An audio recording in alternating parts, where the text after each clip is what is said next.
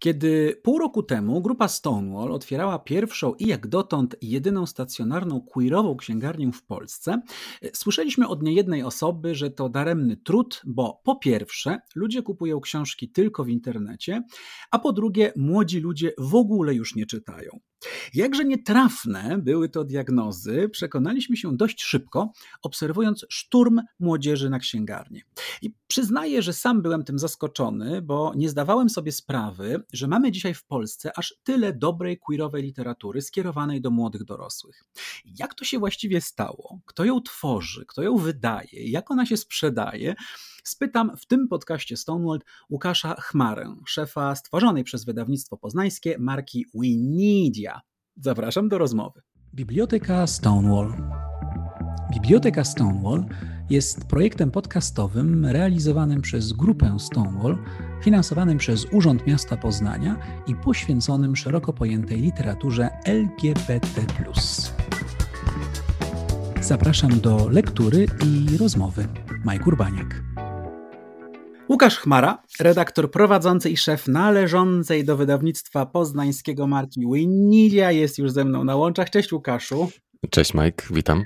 Właściwie powinienem powiedzieć, e, chciałem powiedzieć im, e, imprintu, ale pomyślałem, że to jest słowo, którego już właściwie nikt dzisiaj nie rozumie.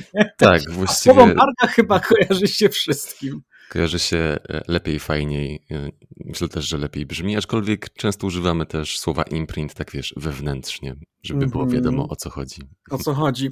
Ale zanim o tym imprincie i o samej marce, i o tym, kiedy ona powstała, po co i jak działa, bo bardzo mnie to interesuje, mhm. pomyślałem, że zaczęlibyśmy rozmowę, jeśli pozwolisz, mm, od ciebie.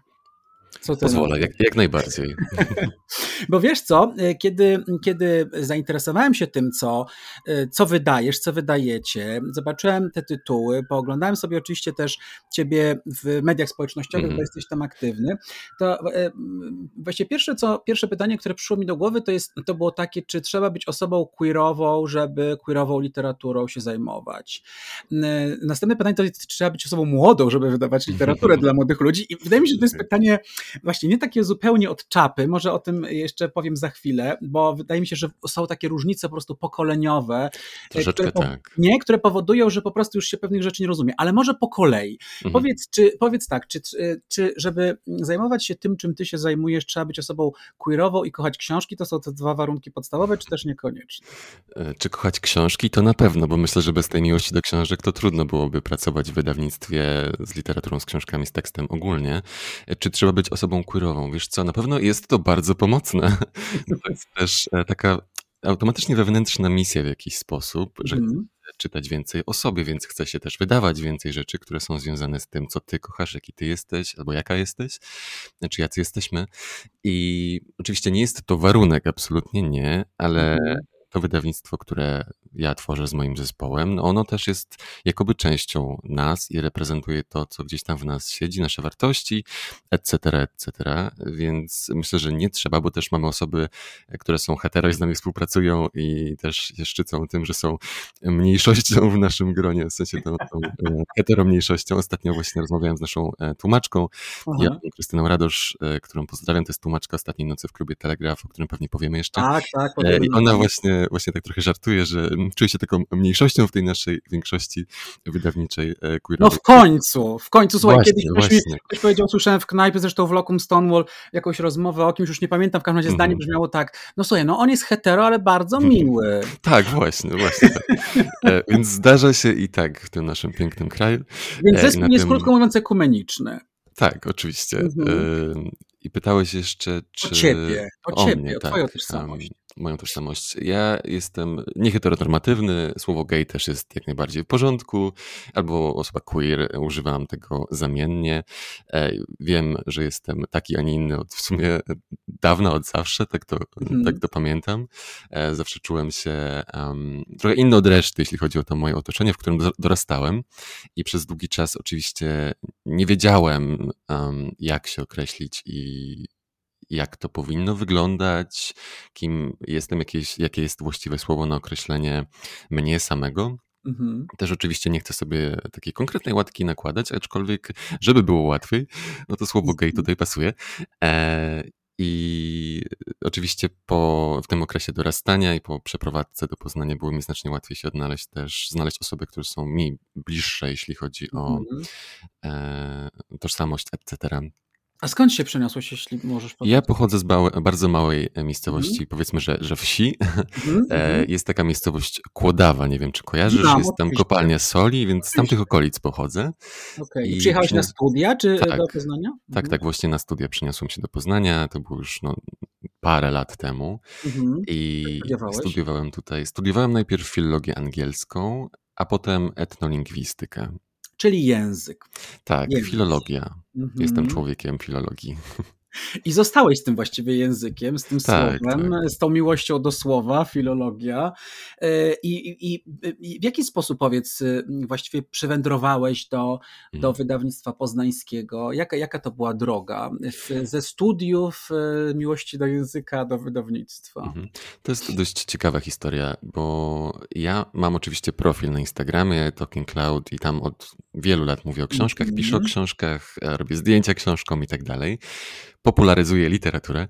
Jesteś e, bookstramerem. Nie, book, book, bookstagramerem, tak. Bookstagramer. Nie, jeszcze bookstagramer. raz. Bookstagramer. Bookstagramer. So, ja się kiedyś tego nauczę. W porządku. Dobrze, tak. dobrze Zajmuje tak. chwilę, ale, ale no, ty, Tu się też zatrzymamy przy tym słowie, którego wypowiedzieć nie W porządku, mhm. jasne. I? I tam e, zauważono mnie, to znaczy szefowa marki Unidia, ówczesna Milena Buszkiewicz, zauważyła mnie tam i mnie zrekrutowała ja sobie pracowałem wtedy w takiej knajpce w Poznaniu e, z wegańskim jedzeniem i z kawką i było super, ale Milena mm, założyła markę, bo ona pracowała wtedy w grupie wydawnictwa poznańskiego w czwartej stronie, no i z czwartej strony wywodzi się Unidia. Ona stworzyła mm. jednorożca i, i, całą tę markę, jest jej matką. Mm. No i my zaczęliśmy współpracować i ja byłem jej pomocnikiem, to znaczy najpierw asystentem, potem to się oczywiście przerodziło w coś więcej. Mm, I też nasza współpraca najpierw polegała na tym, że miałem patronat nad e, książką Adama Silvery, taki patronat medialny, Aha. i promowałem tę książkę w mediach, a potem no, potoczyło się tak, że zostałem zrekrutowany, bo potrzebowała kogoś, kto czuje temat, że tak powiem. Mhm. E, a ty I też czułeś. Tak, czułem temat bardzo, no bo wiadomo, Adam Silvera to jest autor, który przemawia do wielu i do mnie też przemawiał bardzo. Mm, tworzy niesamowite powieści dla młodzieży i nie tylko. Okej. Okay. I właściwie skończyło się na tym, że kierujesz tak, całym interesem. E, parę lat temu, dwa, trzy już jakoś tak, Milena zrezygnowała e, z kierowania marką i z bycia szefową, a ja powiedziałem, Hej, robimy dalej najlepszą markę dla młodzieży i mój przełożony Robert się bardzo ucieszył, że chce przejąć dowodzenie i stworzyłem sobie zespół mm. na nowo. No i tak jakoś się toczy. Jestem tutaj dzisiaj i e, bardzo ta marka się rozrosła, funkcjonuje wspaniale. Docieramy coraz szerzej i bardzo, bardzo mnie to cieszy. Mhm. Bookstagramer. Ja będę powtarzał co jakiś czas to Powtarzaj, słowo. tak, to wejdzie. Nie powtarzać, tak. I, bo to jest też coś, co y, możemy się właściwie przy nim zatrzymać, bo mhm.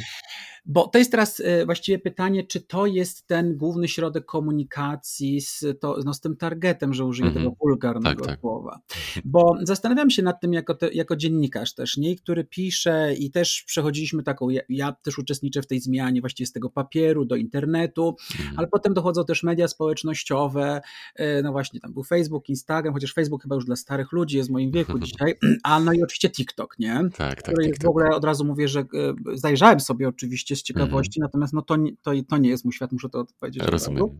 Tak, ale teraz jest takie pytanie, bo rozumiem, że to jest twój świat e, w jakimś sensie i że to właściwie musi być twój świat, bo pytanie jest takie, czy to jest główne, mm, e, główna droga dotarcia mhm. do osób czytelniczych w tym segmencie, o którym my dzisiaj mówimy. Czy też nie, czy w ogóle prasa tak zwana tradycyjna, mhm. czy media tradycyjne odgrywają jeszcze jakąkolwiek rolę w świecie, w którym ty funkcjonujesz? To zacznę od końca. Jeśli chodzi o pra mhm. prasę na przykład, to mamy tam reklamę i tak dalej, ale to są e, treści, które docierają raczej do starszych ludzi, starszego targetu, do rodziców na przykład. Do mnie, do mnie. Tak. Otwieram magazyn książki i widzę reklamę, bo widzę, widzę tak, reklamy wasze, tak. więc otwieram, patrzę, aha, tak, to do mnie, rozumiem. To do mnie. Tak, żeby też informacja była, wiesz, dla wszystkich, że hej, mhm. jesteśmy, wydajemy takie, a nie inne rzeczy. No tak, ale masz e, rację, przepraszam, bo masz rację, rzeczywiście to jest ciekawe, że y, właśnie rodzice, nie? No bo mhm, to jest, tak. jak rozumiem, rodzice też mogą się zapoznawać z tą literaturą, mogą chcieć kupić swoim dzieciom tę literaturę, więc w tym sensie nie należałoby tego lekceważyć. Myślę, że też powinni czytać te treści, e, treści, które no, podają swoim dzieciom, nastolatkom, po prostu bliskim, bo warto też wiedzieć, co dziecko czyta. E, a wielu rodziców też, mam wrażenie, nie ma pojęcia, ale o tym może kiedy indziej. Mhm. E, więc tak, pytasz, czy Instagram, e, Bookstagram, TikTok, BookTok to są mhm. takie A, źródła. BookTok, tak. BookTok, jest BookTok, oj tak, i on się rozwinął bardzo, bardzo, mhm. Mm, jak to powiedzieć, szybko. Mhm. Jest ogromny i zmienił postrzeganie literatury na świecie. Naprawdę ma to ogromną moc. I tak, internet jest taką formą dotarcia, drogą dotarcia do naszego targetu, do osób nastoletnich, do osób, które się jarają tą literaturą, które mhm. chcą czytać rzeczy, które są skierowane stricte do nich. My zaczęliśmy na Instagramie i to się bardzo też szybko rozkręciło. Zaczęliśmy tam rozmawiać z naszymi no, czytelnikami, czytelniczkami czy osobami czytającymi. Mhm. Mm, I ta, ta bliskość jest też e, bardzo, bardzo fajną rzeczą.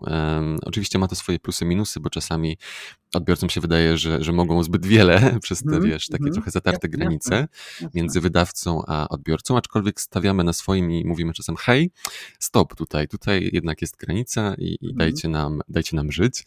Um, ale to jest e, świetna sprawa. Też możemy się dowiedzieć, czego oni faktycznie potrzebują i na te potrzeby odpowiadamy jako wydawnictwo. To było dla nas bardzo ważne.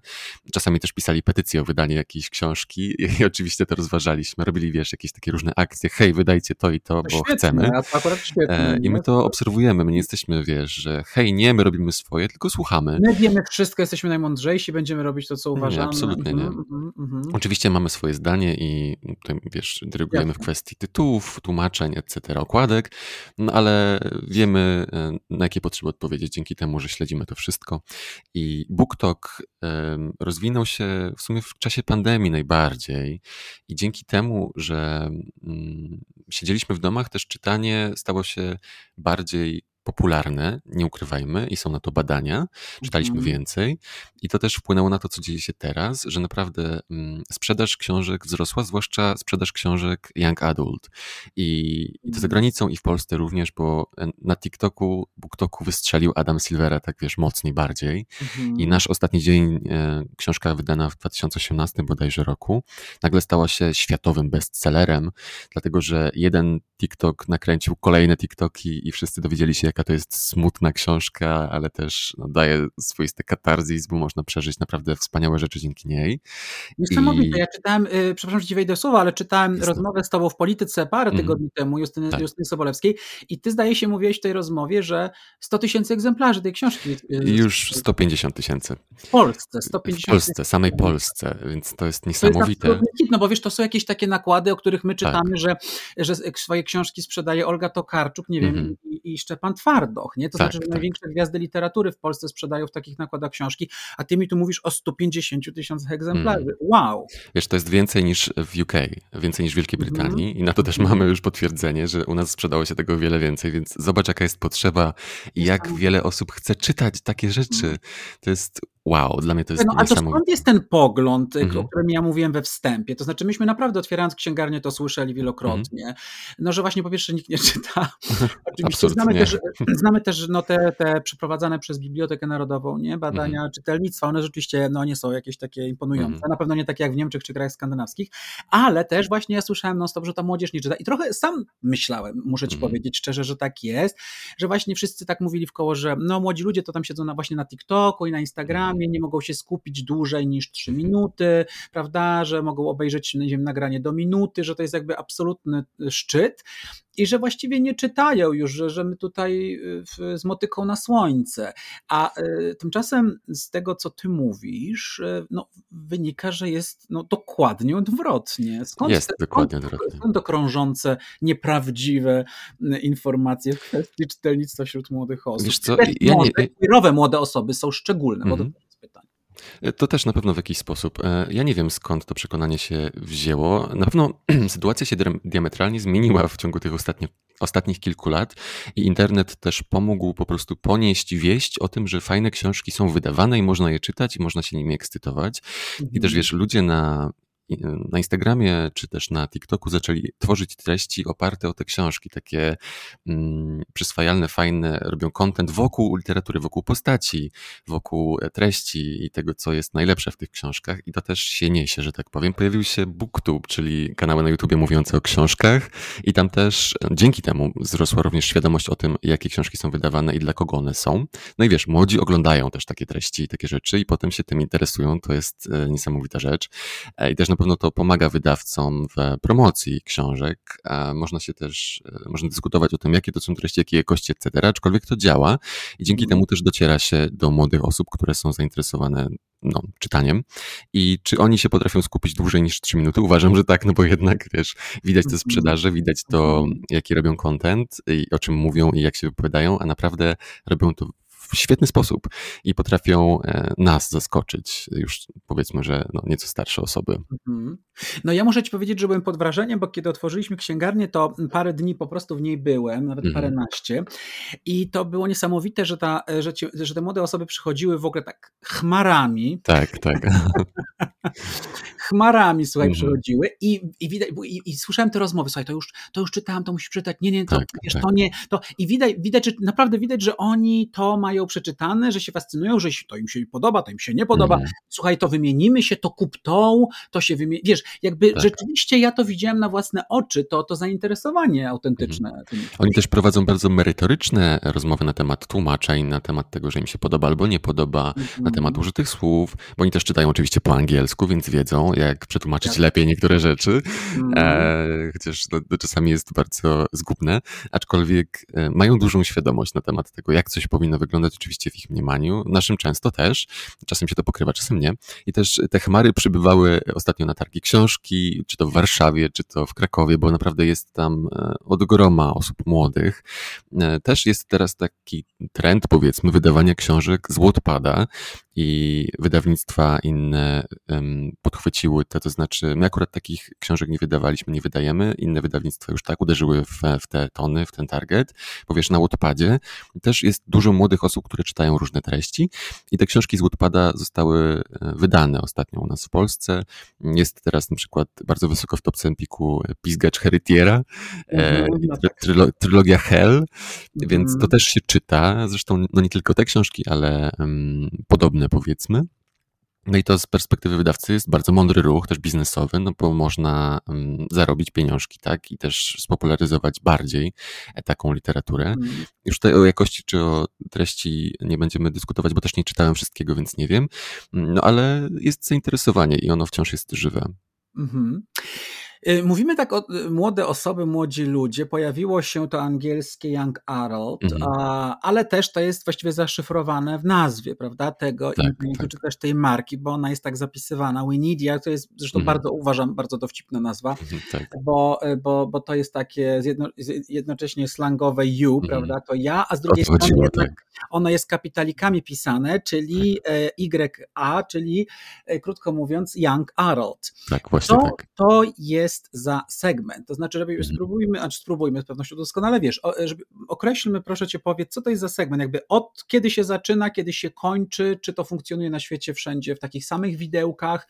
Cóż to jest za segment, co się kryje pod tą nazwą Young Adult i czy to jest to samo, co literatura młodzieżowa? Mhm. E, trochę trudno jest to określić tak w 100% i zamknąć to w jakichś ramach, ale się postaram i mniej więcej na świecie te ramy, jeśli chodzi o wiek, to jest 12 plus do 26 powiedzmy, aczkolwiek siłą Young Adult jest... Tak, tak, właśnie tak. I te, wiesz, książki, które są w tym e, przedziale, one też um, Mam wrażenie, że trzeba je oznaczać, co jest dla kogo, żeby dwunastolatka nie mhm. sięgała po coś, co nie jest dla niej przeznaczone. Ale o co mi chodzi z tym też 20, do 26, e, że Young Adult czytają również osoby nieco starsze, w tym rodzice. I Young Adult to jest książka, którą może przeczytać osoba nastoletnia, jak i osoba dorosła i czerpać z tego taką samą przyjemność, czy wynieść z tego podobne wartości, podobną wartość. Mhm. O to chodzi w Young Adult. W Young Adult też nie ma typowo scen erotycznych, tudzież nie powinno być. Mm, mhm. A jeśli są, to to uważam, że powinno się to oznaczyć jakimś trigger warningiem albo określić kategorię wiekową. I na szczęście wydawcy w Polsce już często to robią. My też jako Unidia będziemy to robić e, częściej i od stycznia na każdej naszej książce będzie się pojawiać taka, takie oznaczenie. Mhm. Oczywiście to jest sugestia, nie trzeba się tego trzymać w 100%, Jasne. bo każdy ma swoją wrażliwość i Jesteśmy pro-choice. Właśnie, tak, tak. Otóż to, mhm.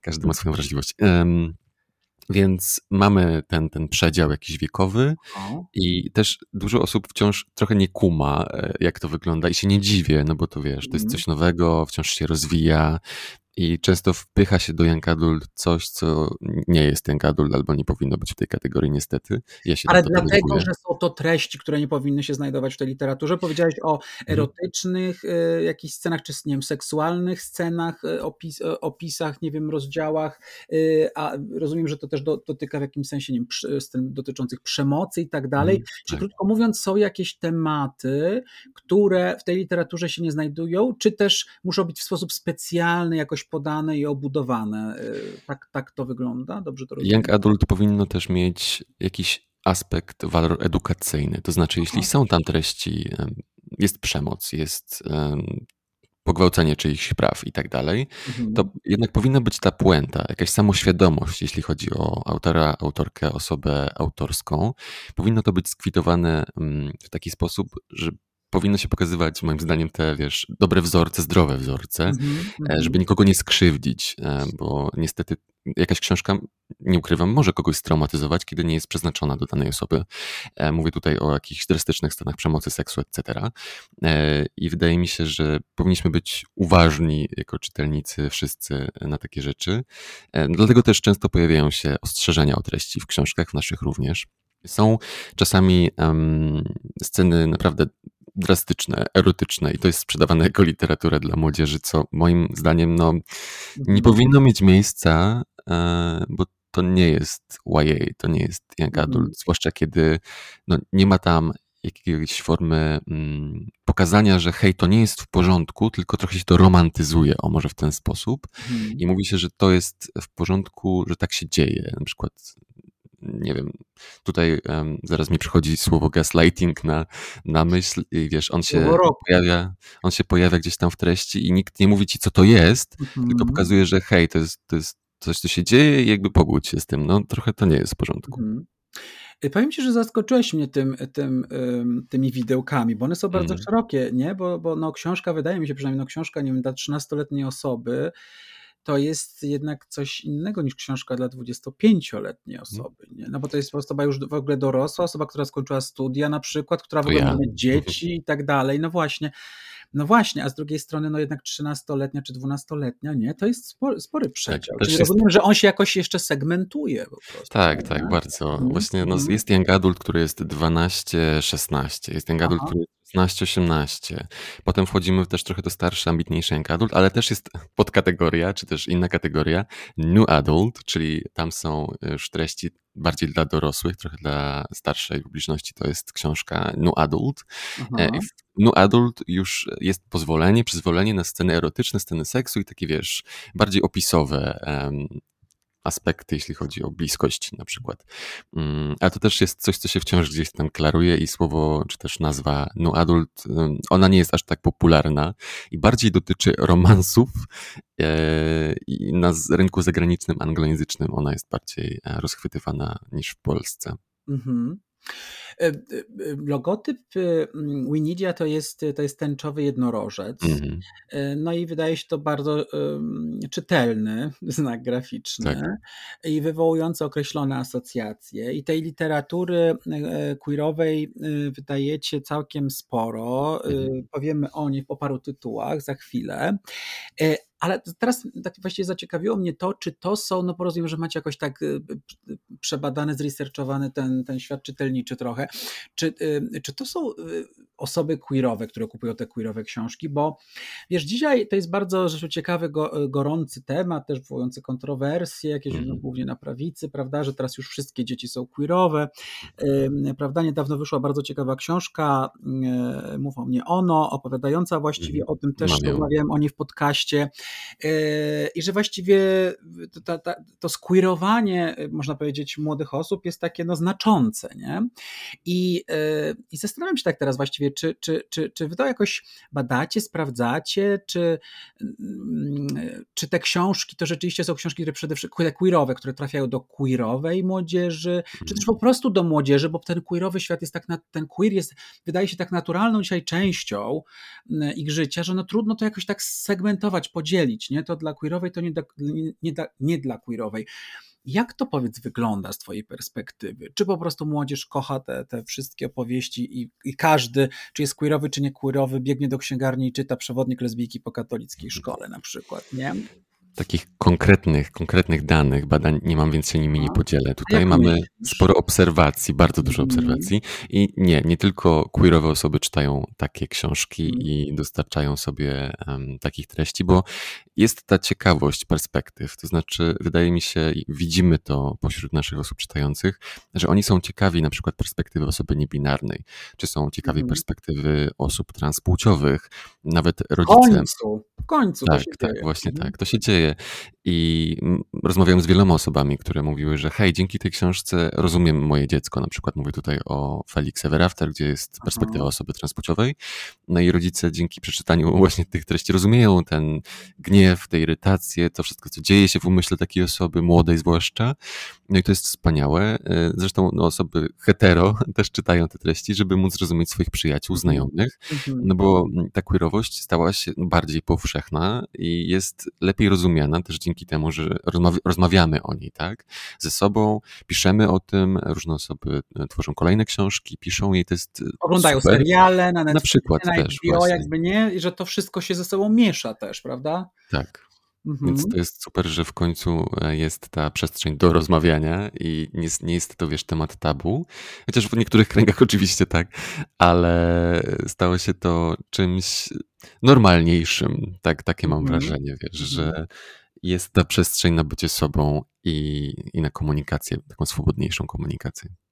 No i to jest niesamowite, tak sobie myślę, że to się dzieje w tej homofobicznej Polsce. Nie? Tej mm, no właśnie. Kolejny rok z rzędu jest po prostu uznana za największą homofobkę Unii Europejskiej przez Ilgę. Tak, Naprawdę ciekawe. wiemy, co się dzieje politycznie, prawda? Wiemy, co się dzieje w szkołach, bo to też jest mm. ciekawe w kontekście tych książek, które wydajecie, tak, prawda? Tak, tak. Że to są książki, które czytają no, w dużej mierze osoby chodzące do szkoły. A z drugiej strony mamy tutaj tą, e, tą jak to się nazywa, ten hit tego czarnka i te, te, te, mm. to wszystko, nie? Ten cały pakiet jakiś taki nacjonalistyczno-homofobiczno-obrzydliwy. I, i, i, I to też pokazuje, jak to jest nieskuteczne, wydaje mi się. Właśnie tak. Że to jest właściwie optymistyczne, nie? Że, tak, że tak. oni tu, prób, rząd próbuje, rząd, władza, kościół próbuje robić i robi to, co mhm. robi, a, a, a twoja działalność, wasza działalność pokazuje, że efekt jest odwrotny do zamierzenia. Otóż to. Więc no sami siebie zaorają, mam nadzieję. E, I powinni, powinni z nami pogadać, żeby zobaczyć, jaka jest rzeczywistość. Bardzo zachęcam, ja chętnie, naprawdę. I zobaczymy, co się wydarzy w przyszłości. Liczę, że będzie tylko lepiej i będziemy mogli w końcu wszyscy czuć się swobodnie w swoich ciałach i w swoich przestrzeniach tutaj. Czy biblioteki zamawiają książki z tęczowym jednorożcem w waszym wydawnictwie, czy, czy raczej się boją zamawiać? Bo wydaje się, że te książki po prostu powinny być absolutnie w każdej, naprawdę, w każdej bibliotece y, w y, szkole, biorąc pod uwagę to zainteresowanie, o którym ty mówisz, o tych sprzedażach przekraczających jakieś po prostu 100 tysięcy egzemplarzy. Czy, czy biblioteki zamawiają te książki? Biblioteki zamawiają, tak. Na naszej, w naszej księgarni wydaje nam się, to jest księgarnia internetowa, też mamy taki specjalny pakiet dla bibliotekarek, bibliotekarzy, zniżkę i to się często dzieje. Na targach książki też rozmawiałem z bibliotekarzami, bibliotekarkami głównie o tym, e, co interesuje młodzież i te osoby są chętne zamawiać takie rzeczy właśnie do siebie, żeby, żeby było czytane, żeby było to, co młode osoby interesuje na półkach. Więc tak, oni są jak najbardziej otwarci. Oczywiście każdy, każda osoba ma jakąś swoją perspektywę i pewnie nie w każdej, każdej bibliotece w Polsce mm. się taka e, nasza powieść znajdzie, ale dzieje się to um, częściej, to znaczy jest ich coraz więcej tam i, i wiemy, że zamawiają na pewno. Mhm. Um, wy, wy, wygląda na to, że ta, że ta e, queerowa literatura skierowana do młodych ludzi no, przeżywa absolutny, cudowny mhm. rozkwit na świecie. Nie? Tych książek jest rzeczywiście pewnie sam, no sam pewnie, sam to najlepiej, multum. na pewno wiesz, jest multum. Powiedz, jak, jak je wybierasz, no bo nie, nie, nie każdą można wydać, nie byłoby to po prostu fizycznie niemożliwe, ale też rozumiem, że jest jakaś specyfika, albo nie, może zaraz mi to powiesz, polskiego rynku, czy też tego, co Mm, co, co się sprzedaje, a może coś się na przykład nie sprzedawało, co było wydane w tym segmencie. Bardzo mnie to ciekawi, jak właściwie wybierasz, czy wybieracie te tytuły, które wychodzą e, w Polsce i, i, czy, i czy, no właśnie, i czy jest jakaś, jakaś, jakaś specyfika, jest coś bardzo charakterystycznego, e, takiego polskiego, co należy uwzględnić, wydając taką queerową literaturę dla młodych osób? Ja się tutaj posłużę przykładem jednej książki, czyli Przewodnik lesbijki po katolickiej szkole. Pewnie kojarzysz, znasz. Leży tu przede mną. Tak, e, właśnie. Dodam tylko, że była absolutnie największym hitem w wakacje, mm. była największym hitem księgarni Stonewall i właściwie tak. była non-stop na pierwszym miejscu. Wyszła w czerwcu, tak mhm. idealnie uderzyliśmy tak. Pride Month. E, posłużę się tym przykładem, bo on e, idealnie jakby ilustruje to, co pytasz. E, nam przede wszystkim zależy na jakości. I to jest jakościowa powieść. Ona jest świetnie napisana.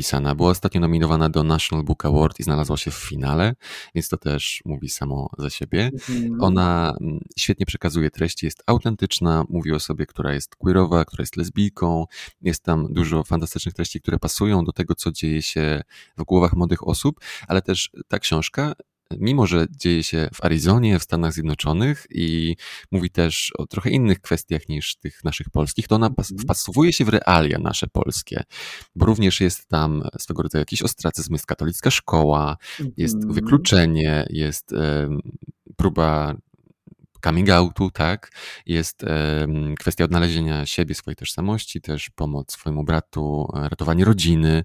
I kiedy czytaliśmy tę książkę w naszym zespole, to wiedzieliśmy, że to są rzeczy, o których e, polski czytelnik też chce czytać, bo w pewien sposób na pewno się z tym utożsami i będzie wiedział, wiedziała, wiedziało, że to jest coś um, bliskie właśnie mhm. jemu, jej, mhm. jenu.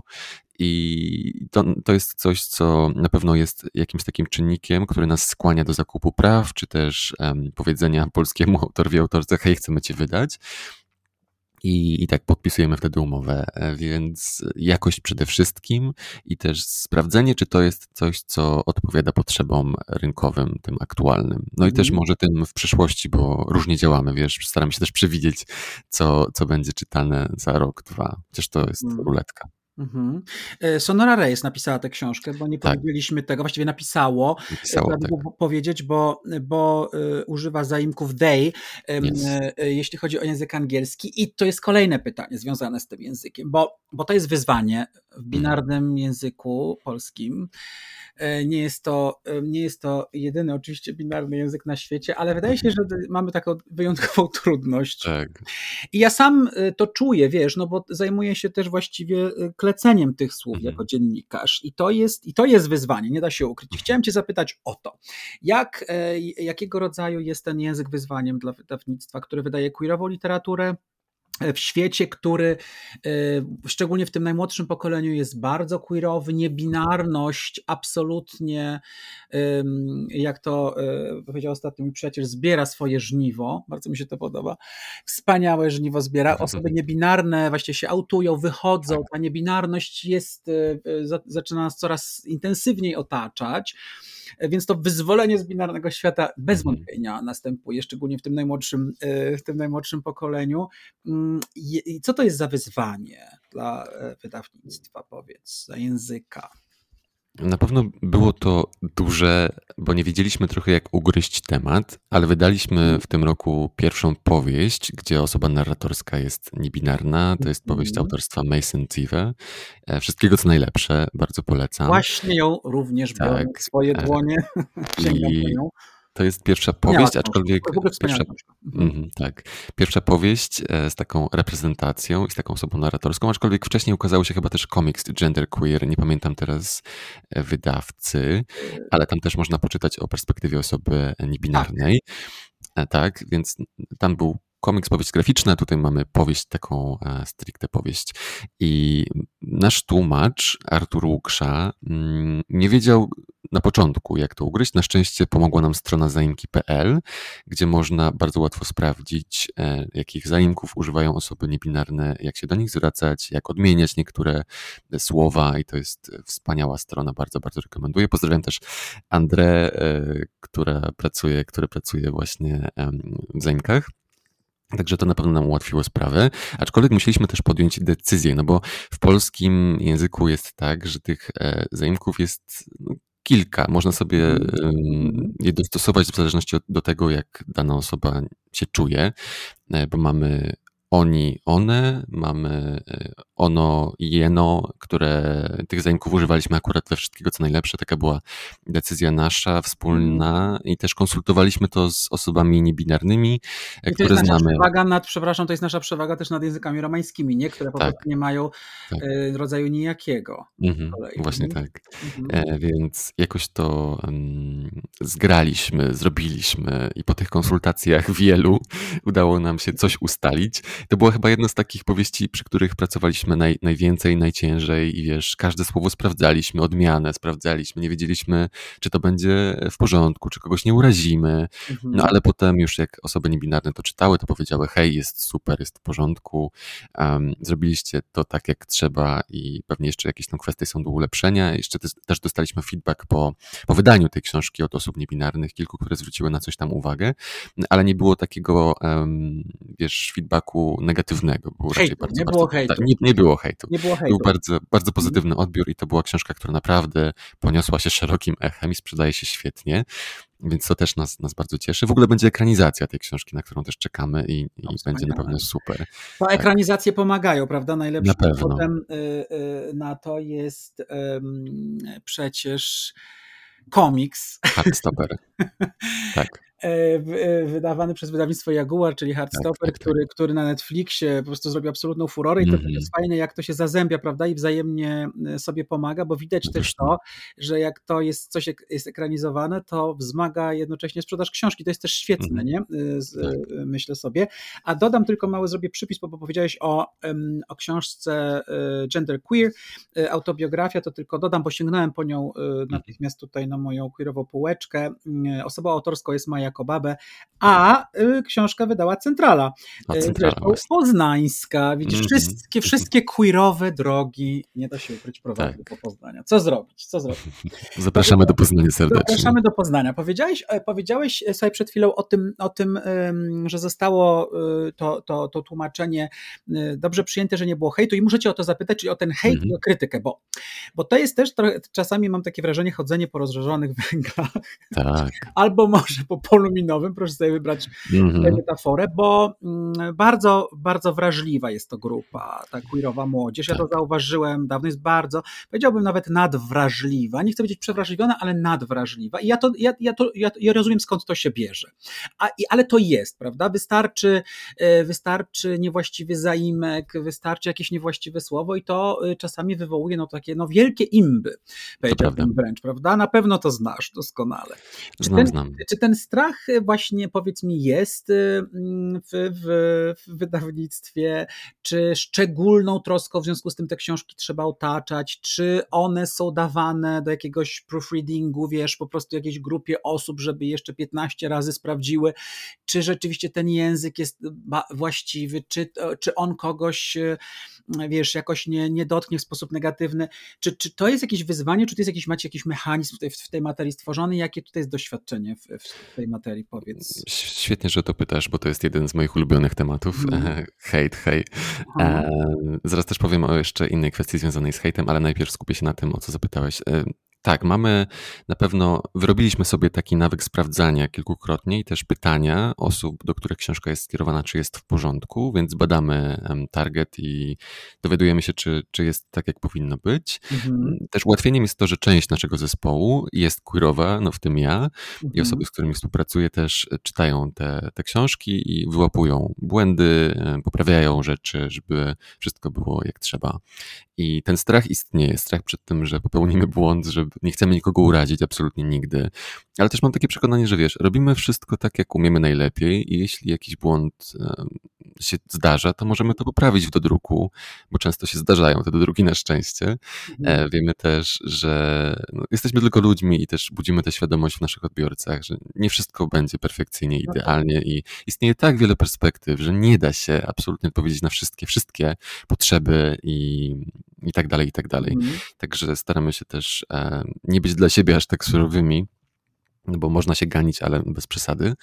E, I tak jest całkiem spoko, jeśli patrzymy na całość. Więc um, byliśmy hejtowani niejednokrotnie, ale też wchodziliśmy w, rozmowę często, e, albo najpierw musieliśmy przemyśleć temat, sprawdzić, czy faktycznie jest coś nie tak, i potem odpowiadaliśmy. Um, tutaj też na przykład e, posłużę się przykładem Felix Ever After, gdzie tam to było wydawane już dwa lata temu, czy trzy. Mm, tam tłumaczka. Biorę, biorę oczywiście. Tłumaczka na końcu zdecydowała się. Tam chyba posłowie to jest, czy tam nota od osoby autorskiej, zdecydowała się na zamienną, na wymienianie zaimków ona, on Mhm. I wtedy jeszcze nie było takiej świadomości u osoby tłumaczącej, że można to zrobić inaczej. Mhm. I my też tego jakoś. Tak, tak, tak. Mhm. E, I wtedy e, nie mieliśmy aż takiej świadomości, że można to zrobić nieco inaczej, lepiej powiedzmy, mhm. ale też mhm. nie mówiło się aż tak dużo o języku niebinarnym swego czasu. Tak. Mm, I my też nie mieliśmy aż takiej świadomości, żeby uznać, że, że to może być coś, co kogoś może urazić, etc., etc. I my to w dodruku oczywiście e, będziemy poprawiać, bo mhm. tam można użyć użyć po prostu zaimków, czy ono, jeno, czy, czy też wybrać mhm. inne, mhm. ale wtedy, kiedy ta książka była wydawana, to to była taka e, opcja, która też w tym środowisku tłumaczy, e, była spoko opcją, tak? Więc e, tak zostało to wydrukowane, napisane, przetłumaczone. Mhm. I to był 2021 rok, kiedy ta książka wyszła i to jest bardzo ciekawe, o czym mówisz. Myślę, że to warto odnotować, że to po prostu jest work in progress, nie? Że tak jest, jest tym językiem i to trzeba i nie można, ja, ja, ja przynajmniej tak uważam, że nie ma co się na to obrażać i obruszać, bo mhm. my wszyscy w tym bierzemy udział. To jest work in progress, ten język się zmienia i coś, co. To bardzo szybko. I no właśnie, no mówię, dlatego powiedziałem 2021. Tak, tak, mnie zaskoczyłeś teraz w no ogóle, no, bo ja myślałem, że to było dawno nie, temu. Otworzyłem sobie, słuchaj, specjalnie tu otwieram 2021, wow, co kurde. pokazuje, że właściwie w ciągu roku, prawda? Mm, w ciągu roku. Taką drogę, w której już wiemy, aha, dzisiaj, gdybyśmy wydawali mm. taką książkę o osobie niebinarnej, to byśmy już użyli innego języka i tak. kto wie, czy za dwa lata jeszcze to się nie zmieni, prawda? Tak. Więc w tym Uczymy sensie się. myślę, że, że to warto odnotować, że to jest ta zmiana zmiana i nie ma co się obruszać na użycie jakiegoś języka, e, e, tym bardziej, że to nie jest intencjonalne, bo myślę, że to też warto właśnie, podkreślić, właśnie. prawda, że nie po to powstaje takie wydawnictwo czy, czy marka jak Winidia, które wydaje queerową, chce mhm. wydawać queerową literaturę, żeby kogoś intencjonalnie obrażać, prawda? Absolutnie nie. Czy urażać, więc, mhm. więc tutaj bym, takie jest moje słuchaj, stanowisko e, pełne miłości w tej materii. Dzięki.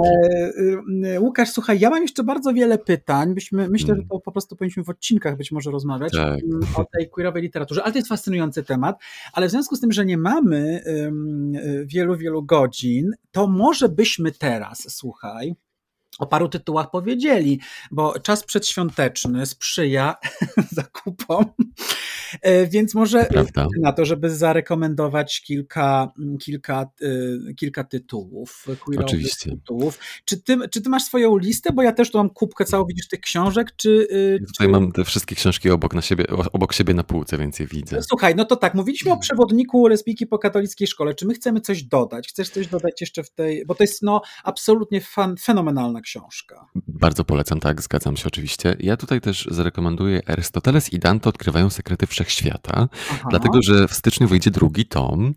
Arystoteles i Dante przepadają w tonie życia i to jest bardzo wyczekiwany tytuł. E, mhm. Ogłosiliśmy premierę wczoraj i tam post na naszym Instagramie ma 9 tysięcy lajków, więc w ogóle wow, zasięg jest niesamowity, zasięg mhm. organiczny, więc mhm. to też potwierdza to, że jest ogromne zainteresowanie taką literaturą. E, polecę też oczywiście wszystkiego co najlepsze, o którym wspominaliśmy i Felix Ever After, o którym mówiliśmy i też nasz ostatni dzień, ale chciałbym też zarekomendować wam mocno inną powieść Adama Silvery, czyli Zostawiłeś mi tylko przeszłość. To jest książka mhm. nieco inna. I Ona już opowiada... sięgam. Zobacz, jak jestem, jak jestem przygotowany tutaj wyposażony w te wszystkie pozycje. Tak, zostawiłeś mi tylko przeszłość. Mhm. Ona opowiada o, stracie. Jest piękna. Jedna z moich ukochanych i to też był początek mojej przygody z Winidia właśnie, bo patronowałem tej książce i to było super. Mhm. E, mamy też nieco lżejsze powieści, czyli A jeśli to my, Tutaj Adam mm. Silver, Becky Albertalli i Te Wiedźmy nie płoną, czyli opowieść o queerowych wiedźmach. Tak, to też, e, to też zapamiętałem sobie dokładnie, poznaczy właśnie poznałem tę książkę, mm. kiedy, kiedy otworzyliśmy księgarnię, tak. bo non-stop ktoś pytał o tę książkę. Tak, tak, jest Dzień dobry, czy to wiedźmy? Dzień dobry, czy to wiedźmy? To było pytanie, które słyszeliśmy mhm. dość mm. często.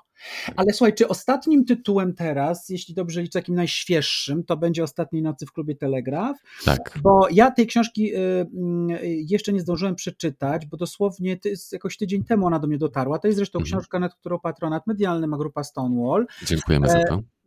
Cała przyjemność po naszej stronie. Powiedz proszę cię e, słów kilka o tej, o tej nowości, która już jest w księgarniach i można ją sobie zakupić sobie albo komuś na święta. Ostatni noty w klubie Telegraf. To jest taka retro opowieść e, Young Adult dla młodzieży, książka dla młodzieży i ona opowiada o Lili, która żyje w San Francisco. To, jest, to są lata 50., 60. z tego co pamiętam. I tak. to jest książka o dziewczynie, która zakochuje się w innej dziewczynie. Mamy Lili, mamy Kathleen i one są inne. One chcą, one się uczą matematyki, one chcą e, latać. Jedna chce być pilotką, druga chce być astronautką, więc jest tam też mocny wydźwięk feministyczny. Mm. I mamy osoby, które się zmagają z e, dość trudną sytuacją. One żyją w Chinatown, ich rodzina, no, no, rodzina nie akceptuje tych dziewczyn, one stają się wyrzutkami i dzieją się tam też rzeczy, które mm, nasza autorka zbadała bardzo dobrze, bo tam jest dużo odniesień do historii właśnie. Malinda e, Low. Tak, Malinda Low. Dostała za tę książkę National Book Award i nie dziwię się. Zasłużenie. Książka wyszła w przekładzie Joanny Krystyny Radosz, z którą ostatnio miałem przyjemność rozmawiać w Locum Stonewall. Było spotkanie z, z tłumaczką, więc e, dzięki. I, I było świetnie. Mhm. Tak, to jest książka, która. Ona nie jest. To nie jest romans, to jest taka ja bym to określił taką literaturą piękną w Young Adult. Ona jest um, nie że wymagająca, ale powolna. Taka właśnie, mhm. ten aspekt historyczny jest bardzo rozbudowany i opowiada tak, konkretną to jest bardzo historię. Ciekawy czas, bo to jest bardzo ciekawy czas, no trudny w ogóle, tak, bardzo, tak, bardzo tak. czas e, w, w, amerykańskiej historii mhm. um, i obsesji ko komunistycznego. E, tak, tak zwana czerwona panika, tak, Red, Scare. Scare. Ale też Lavender Scare, który z tego tak, się wytwarzał. Tak. Wszystkie osoby zainteresowane tą nagonką na prześladowaniem osób mhm. nieheteronormatywnych w tych latach 50. w Ameryce, to odsyłam naturalnie na YouTube do wykładów Uniwersytetu Stonu, bo jeden z wykładów ja poświęciłem właśnie temu temu, zjawisku, więc jest też mhm. osadzone w tym, no właśnie w takim bardzo konkretnym kontekście historycznym. Tak, tak i to jest jej moc, myślę. Mhm. Bardzo, bardzo dobra jest to książka. Myślę, że na prezent się nada e, idealnie. Ładnie wydana jest też. Jeszcze tak szepnę tutaj słówko. Warto otworzyć, zobaczyć, co jest pod skrzydełkami e, po jednej i drugiej stronie. Warto, Zatem bardzo, tak, tak to mhm. prawda. E, no dobrze, to jest Ostatniej Nocy w klubie Telegraf. Mm, e, bardzo tę książkę mm, polecamy. Ja, już, ja również będę w święta, e, również w święta się nad nią mm, pochylę. No ale kończy się rok, przychodzi następny, wydawnictwo ma już z pewnością plany. Dużo będzie książek nowych. Duże, to powiedz coś, powiedz coś proszę na koniec o, o tych queerowych planach na rok 2023, czego, czego możemy się spodziewać, co wyjdzie. Możemy się, możemy się spodziewać powieści graficznych, na przykład, które mhm. opowiadają o postaciach queerowych i będzie tego troszeczkę, ale to w swoim czasie zapowiemy. E, będą oczywiście kolejne książki naszych osób autorskich, bo będzie więcej od Mason Deaver. E, mhm. Będzie też, no, jak wspomniałem już, Benjamin Aliresens i kolejny tom Arystotelesa i Dantego. Będzie też nieco więcej perspektyw, bo będzie też e, w jednej z książek naszych, to akurat science fiction, reprezentacja związku poliamorycznego, więc zapraszam serdecznie. E, Żelazna wdowa Ziran J. Zhao, bardzo, bardzo dobra książka. Będziemy też mieć reprezentację osób z niepełnosprawnościami, to też w swoim czasie, raczej nie w pierwszym kwartale, mhm. ale to, to już za jakiś czas. Co tam jeszcze było? A, będzie kolejna książka Isabel Sterling właśnie z reprezentacją e, lesbijek i miłości dwóch dziewczyn, ale też z reprezentacją osób biseksualnych. I kolejna książka Izabel za jakiś czas się ukaże. Jeszcze nic nie zdradzam, bo nie mogę i tak dużo powiedziałem, ale to będzie fajna, fajna książka, więc dla osób, które kochają te Wiedźmy nie płoną, to będzie, e, będzie gratka. Wspaniale. Słuchaj, ja myślę, że ja, ja, myślę, że to już jest czas na zorganizowanie po prostu festiwalu y, queerowej książki w Poznaniu. Ja myślę, ja, tak, tak, zróbmy nie, nie sądzisz, że to trzeba zrobić? Znaczy jest Jestem taka ilość książek, są osoby autorskie, mhm. y, to fascynujące tematy, też y, fascynujące jest to, znaczy właśnie wspaniałe jest to, że rzeczywiście jest takie szerokie spektrum, nie? że też już wyszliśmy z tej tak. wiesz, literatury gejowskiej. Wiesz o co chodzi? To znaczy ja, tak, tak. fantastycznie, że ona, ona też jest, ale no, przez lata ona dominowała właściwie, a w Polsce to, to w ogóle nic innego nie mogliśmy dostać. A mhm. dzisiaj LGBT, mhm. wspaniała, wspaniałe całe queerowe spektrum rozmaitych doświadczeń, tożsamości, no to jest fenomenalne. Myślę, że myślę, że to jest, i jeszcze mówisz, że to jest, że, że takie nakłady i takie zainteresowanie, więc ja zarzucam na koniec 2022 roku pomysł, żeby zorganizować oczywiście w Poznaniu e, e, jakiś wspaniały festiwal e, queerowej literatury w, dla młodych czytelników, bo myślę, że to byłoby po prostu cudowne, Zróbmy to. queerowe, radosne święto. Słuchaj, zostajmy, zostawiam nas z tym pomysłem, z tym planem, zróbmy to. Łukaszu, bardzo Ci dziękuję za, mm, za tę rozmowę. Mam poczucie, że to jest pierwsza mhm. nasza rozmowa, ani ostatnia. Łukasz Chmara, redaktor prowadzący i szef należącej do wydawnictwa poznańskiego marki Winnidia jest, e, czy właściwie był moim i waszym gościem. Raz jeszcze e, Łukaszu, bardzo Ci dziękuję. No i oczywiście. Dziękuję pięknie. I oczywiście zapraszam do. Do usłyszenia do usłyszenia. No ja zapraszam naturalnie do kupowania książek dla siebie, kupowania książek w prezencie, bo nie ma lepszego prezentu niż e, książka. Książki można oczywiście kupić w księgarni Stonewall, stacjonarnie w Poznaniu, Przeradajczaka 44 pod nowym adresem. Można też kupić w naszej księgarni internetowej outandproud.pl. Przypominam, że zysk ze sprzedaży tych książek e, wędruje na cele statutowe grupy Stonewall. No i na koniec oczywiście dziękuję Wojtkowi Kaniewskiemu za to, że cudownie ogarnia i montuje nasze e, podcasty i mówimy wszystkim do usłyszenia. Na razie.